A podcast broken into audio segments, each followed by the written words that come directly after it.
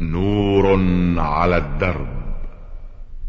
برنامج يومي يجيب فيه أصحاب الفضيلة العلماء على أسئلة المستمعين الدينية والاجتماعية.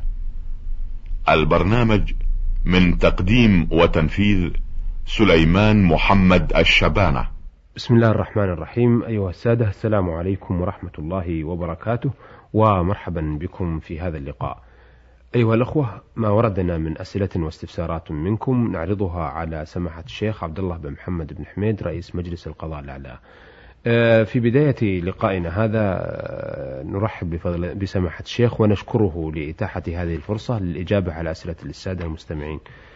آه، سماحة الشيخ هذا السؤال ورد من محمد بن صالح الكثيري من الجنوب. يقول سمعت في برنامج نور على الدرب أن سجود السهو يكون أحيانا قبل السلام وأحيانا بعد السلام. فمتى يكون؟ بعد السلام ومتى يكون قبل السلام؟ ونرجو ضرب الأمثلة وفقكم الله. يا أخ محمد بن صالح الكثير من الجنوب تقول إنك سمعت في برنامج نور على الدرب أن سجود السهو منه ما هو قبل السلام ومنه ما هو بعد السلام. نقول لك ما كان عن نقص فمحله بعد السلام. كمن سلم عن ثلاث ركعات باج عليه ركعة. لما صلى ثلاث ركعات جلس وسلم انتبه أو نبه قام وجاء بالرابعة مثلا. فهذا أفضليته بعد السلام. فإذا سلم كبر وتورك وتشهد ثم سجد للسهو ثم سلم. هذا إذا كان عن نقص. وإن كان عن شك أو زيادة فهذا يكون قبل السلام. كمن زاد خامسة أو شك هل صلى أربع ركعات أو ثلاث ركعات؟ وقلنا إنه يبني على الأقل وما أشبه ذلك. لكن الأفضل كله ينبغي أن يسجد قبل السلام. هذا سواء كان عن نقص أو غيره. لأنك لو سلمت قبل أن تسجد للسهو لم يتابعك المأمومون. يظنون أنك سهوت فلا يتابعونك. والعلماء كلهم مجمعون على أنه لو سجد قبل أن يسلم كان ذلك كافيا سواء كان سجوده لسهوه عن نقص أو شك أو زيادة أو غير ذلك. وهذا هو الذي عليه العمل وهو أنهم يسجدون قبل السلام وإن كان فيما أفضليته بعد السلام خشية التشويش على المأمومين ويظنون أنه سهى مرة أخرى والعلماء مجمعون على جواز ذلك والله أعلم. آه، الرسالة هذه وردت من آه، حائل إشفاق عوض الشمري يقول في رسالته السؤال الأول عن الذي يحلق لحيته ويصبغها بأسود ويجادل ويقول ليس محرم. أفيدونا جزاكم الله خيرا. يا أخ إشفاق عوض من حائل. تقول ما حكم من, من حلق لحيته أو صبغها بسواد؟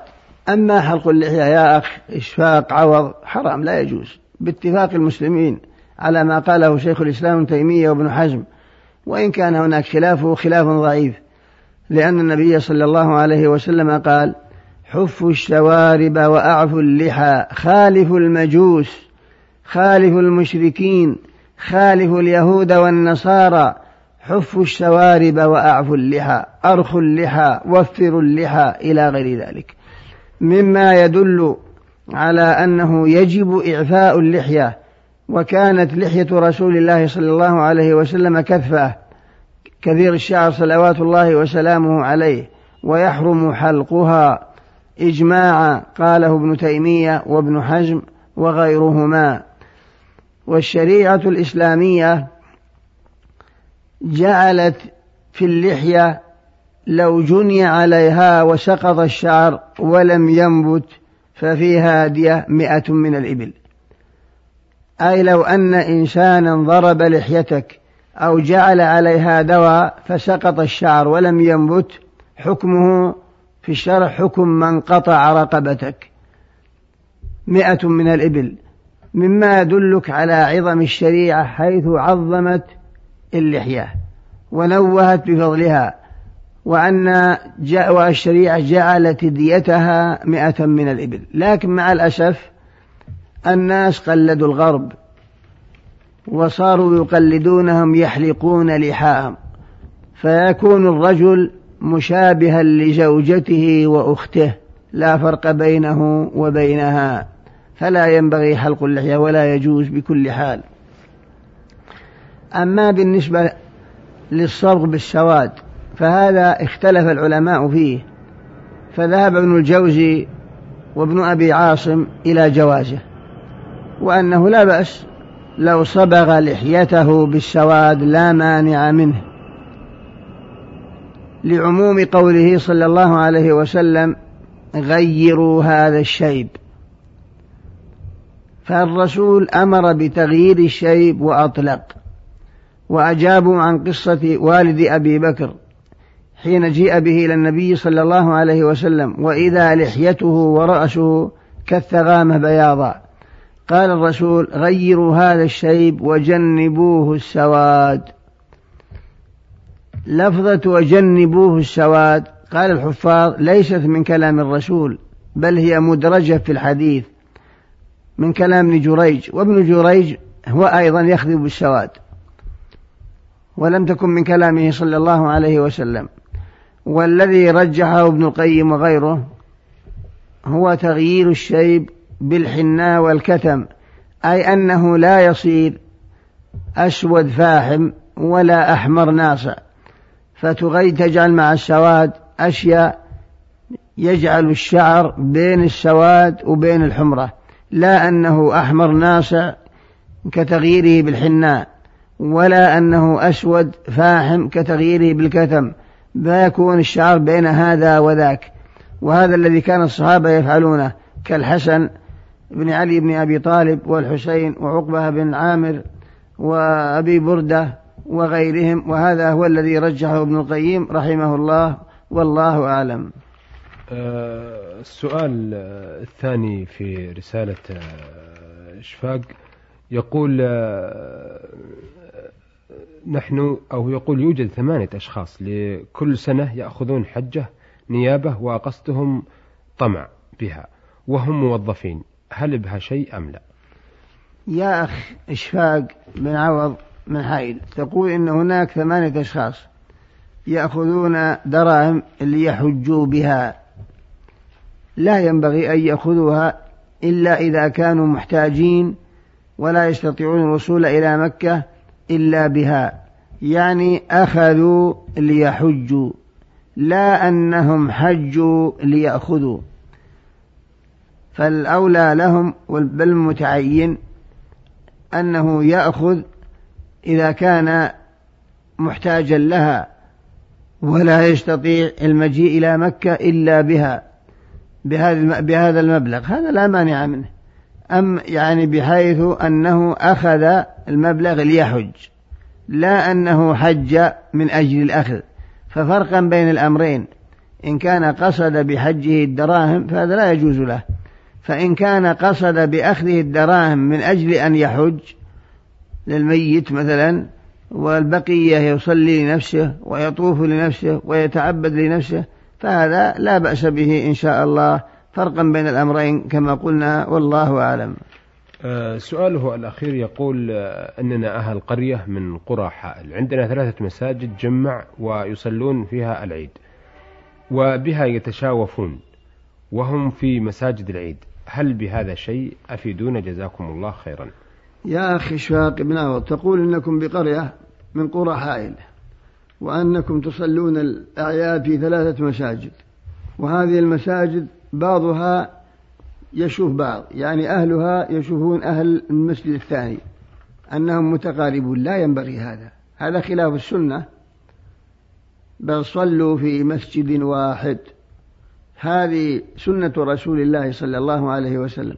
وهذا التعدد لا يجوز لا في الجمعة ولا في العيد إلا لحاجة كأن يكون هناك خوف قتال بينهم يعني يكون قتال بينهم كأهل القبائل بينهم بغضة وبينهم يخشى حمل السلاح أو أن المسجد ضاق يعني امتلأ ولا يوجد إلا السعة ولا يمكن وجود شيء يسع ما يوجد مسجد يسع الناس. فهذا يجوز التعدد للحاجة.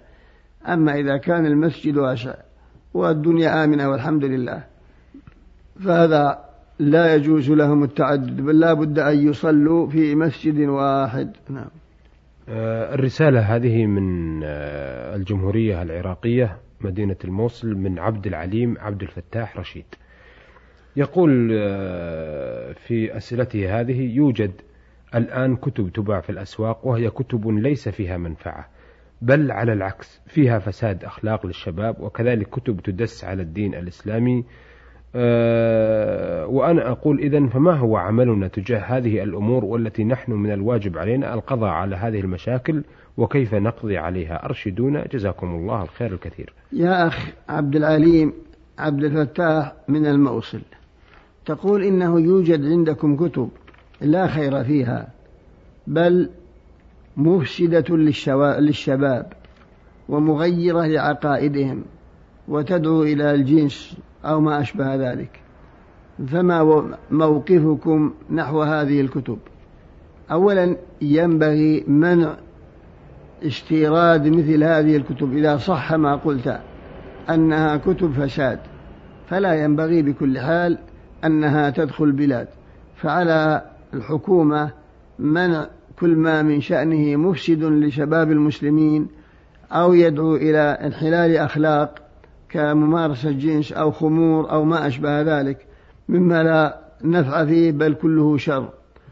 وأما من قبلكم فقد ذكر أهل العلم أنه يجوز لكم إتلافها ولا ضمان عليكم ككتب المبتدعة والكتب التي تخالف الشريعة تخالف القرآن والسنة يجوز لك إتلافها بأن تحرقها وتقطعها ولا ضمان عليك. شرعا فيما لو قام أهلها بمطالبة القيمة نظرا إلى إتلافك لها. فلا شيء عليك مقتضى ما قرره أهل العلم والله أعلم. أه سؤاله الأخير يقول قرأت في كتاب أحكام الصلاة على محمد صلى الله عليه وسلم فقرأت حديثا عن الرسول صلى الله عليه وسلم معناه أن الذي يأكل فجل وأراد ألا تظهر رائحة رائحته أو رائحة الفجل يقول اللهم صل على سيدنا محمد فلا تظهر هذه الرائحة. وأردت أن أجرب ذلك فأكلت ولم أتخلص من هذه الرائحة. فما مدى صحة هذا الحديث وما مدى صحة هذا الكتاب؟ تقول إن عندك كتاب وأنه جاء فيه أن من أكل فجلا وقال اللهم صل على سيدنا محمد أن تلك الرائحة تذهب. يا أخي عبد العليم هذا لا أصل له ولا صحة له. بل قال الرسول فيما هو غيره من أكل بصلا أو كراثا فلا يقربن مسجدنا فإن الملائكة تتأذى مما يتأذى منه بنو الإنسان.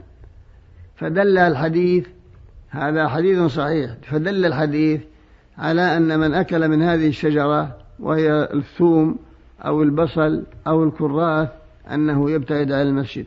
إذ لو كان يذهب الراحة قولك اللهم صل على سيدنا محمد لأرشد النبي صلى الله عليه وسلم آكليها. وقال من أكل بصلا أو ثوما أو كراثا فليقل اللهم صل على سيدنا محمد ولم يقل فليعتزل مسجدنا. لكن ما قلت كله ليس بصحيح ولا يصح في ذلك عن النبي صلى الله عليه وسلم فيه شيء والله أعلم. آه هذه الرسالة من المرسلة خديجة أحمد سعيد. آه تقول في رسالتها إنني فتاة أبلغ من العمر ثلاثا وعشرين سنة. بدأت الصلاة منذ الصغر ولكن كانت صلاتي ناقصة أي ينقصها بعض الفرائض مثل الجهر لأنني كنت صغيرة العقل وجاهلة لبعض الفرائض. فهل الصلاة التي صليتها وأنا جاهلة صحيحة؟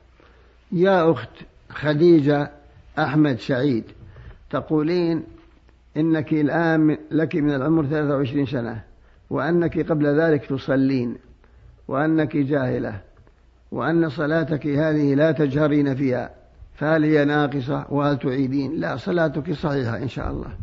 ما دام لم يقع منك إلا عدم الجهر فالجهر في حق المرأة لا ينبغي بل الأفضل في حقها أن تصلي سرا بأن تقرأ القرآن سرا. حتى الرجل يقرأ سرا إلا إذا خش يقرأ سرا إذا خشي أن يؤذي نائما أو يؤذي غيره بل يقرأ سرا وإنما يجهر إذا كان إمام أو كان أنشط له ولم يؤذي بذلك أحدا فلا بأس يقرأ جهرا أما المرأة يجوز لها أن تقرأ جهرا أيضا. إذا لم يسمعها أجانب وكانت منفردة فلا مانع ولا تؤذي أحدا كالنائم ونحوه. وإن قرأت سرا فلا حرج عليها بل هو الأفضل في بعض الأحيان وصلاتها صحيحة إن شاء الله. وأشكرك يا أخت خديجة على مواظبتك على الصلاة ومحافظتك عليها فإن الصلاة هي عمود الإسلام وحظك من الإسلام على قدر حظك من الصلاة. والصلاة نور. وهي تنهى عن الفحشاء والمنكر كما دل عليه القرآن والله أعلم. تقول في سؤالها الثاني هل يصلي الإنسان النوافل إذا ما كان عليه قضاء؟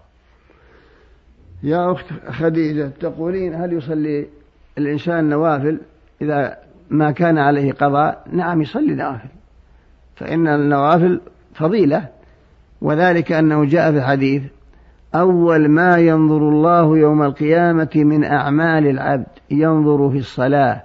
إن تمت وإلا قال الرب انظروا هل لعبدي من تطوع. لأن النوافل تكمل به ما نقص من الفرائض يوم القيامة. ف فمن أجل الطاعات وأعظم القربات نوافل الصلوات. فينبغي أنك تواظبين على النوافل ولا سيما الوتر. فإن الوتر أوجبه بعض أهل العلم والنبي صلى الله عليه وسلم لم يترك الوتر لا حضرا ولا سفرا وهو آكد النوافل والله أعلم. أه، سؤالها الأخير تقول أه، أنه ينزل منها شيء باستمرار بدون أي تأثير وأحيانا لأبسط تأثير. فهذا يقلقني جدا لأنني أغتسل كل يوم من أجل أداء الصلاة والاغتسال. يسبب لي بعض المتاعب وخاصة ونحن الآن نعيش أيام الشتاء. أرشدوني جزاكم الله خيرا ووفقكم الله. تقولين يا أخت خديجة أنه ينزل منك شيء وباستمرار وأنك تغتسلين. لا لا ما يلزمك تغتسلين أبدا. ما في داعي تغتسلين لا في الشتاء ولا في غير الشتاء. إنما الاغتسال الواجب هذا إذا كان عن جماع أو احتلام. أو نزل بشهوة. كما لو احتلمت أن رجلا يجامعك ورأيت الماء فنعم تغتسلين. أما مجرد خروج ماء أصفر أو ما أشبه ذلك من الفرج فهذا لا يجيب الغسل. فإن أم سليم سألت النبي صلى الله عليه وسلم قالت له يا رسول الله إن الله لا يستحي من الحق فهل على المرأة من غسل إذا هي احتلمت؟ قال نعم إذا هي رأت الماء. فأخبرها بأنها تغتسل إذا احتلمت متى رأت الماء يعني منها بأن خرج منها شيء بالتلذذ في النوم. أما إذا لم تحتلم ولم أو احتلمت ولم تجد ماء يعني ما خرج منها بل, بل فخذها أو ثوبها أو فراشها فإنه لا شيء عليها. كذلك ما يخرج من الرجل من مذي ونحوه فإنه لا يوجب الغسل إنما يوجب الوضوء فقط ويجب عليه أن يغسل ما أصاب أو ما أصابه المذي من ثوب ونحوه أما الغسل فلا يجب عليه أن يغتسل فكذلك أنت لا يجب عليك أن تغتسلي بمجرد خروج بلل من الفرج هذا لا يوجب الغسل إنما الذي يوجب ما كان عن شهوة وخرج سواء كان بجماع الزوج أو كان باحتلام والله أعلم. أحسنت. أيها السادة إلى هنا نأتي على نهاية لقائنا هذا الذي استعرضنا فيه أسئلة السادة محمد بن صالح الكثيري وإشفاق عوض الشمري من حائل وعبد العليم عبد الفتاح رشيد من العراق في الموصل وأخيرا أسئلة خديجة أحمد سعيد. عرضنا الأسئلة والاستفسارات التي وردت منكم أيها السادة على سماحة الشيخ عبد الله بن محمد بن حميد رئيس مجلس القضاء الأعلى. شكرا لسماحة الشيخ وشكرا لكم أيها الأخوة وإلى أن نلتقي. نستودعكم الله. والسلام عليكم ورحمة الله وبركاته. نور على الدرب. برنامج يومي يجيب فيه أصحاب الفضيلة العلماء على أسئلة المستمعين الدينية والاجتماعية. البرنامج من تقديم وتنفيذ سليمان محمد الشبانة.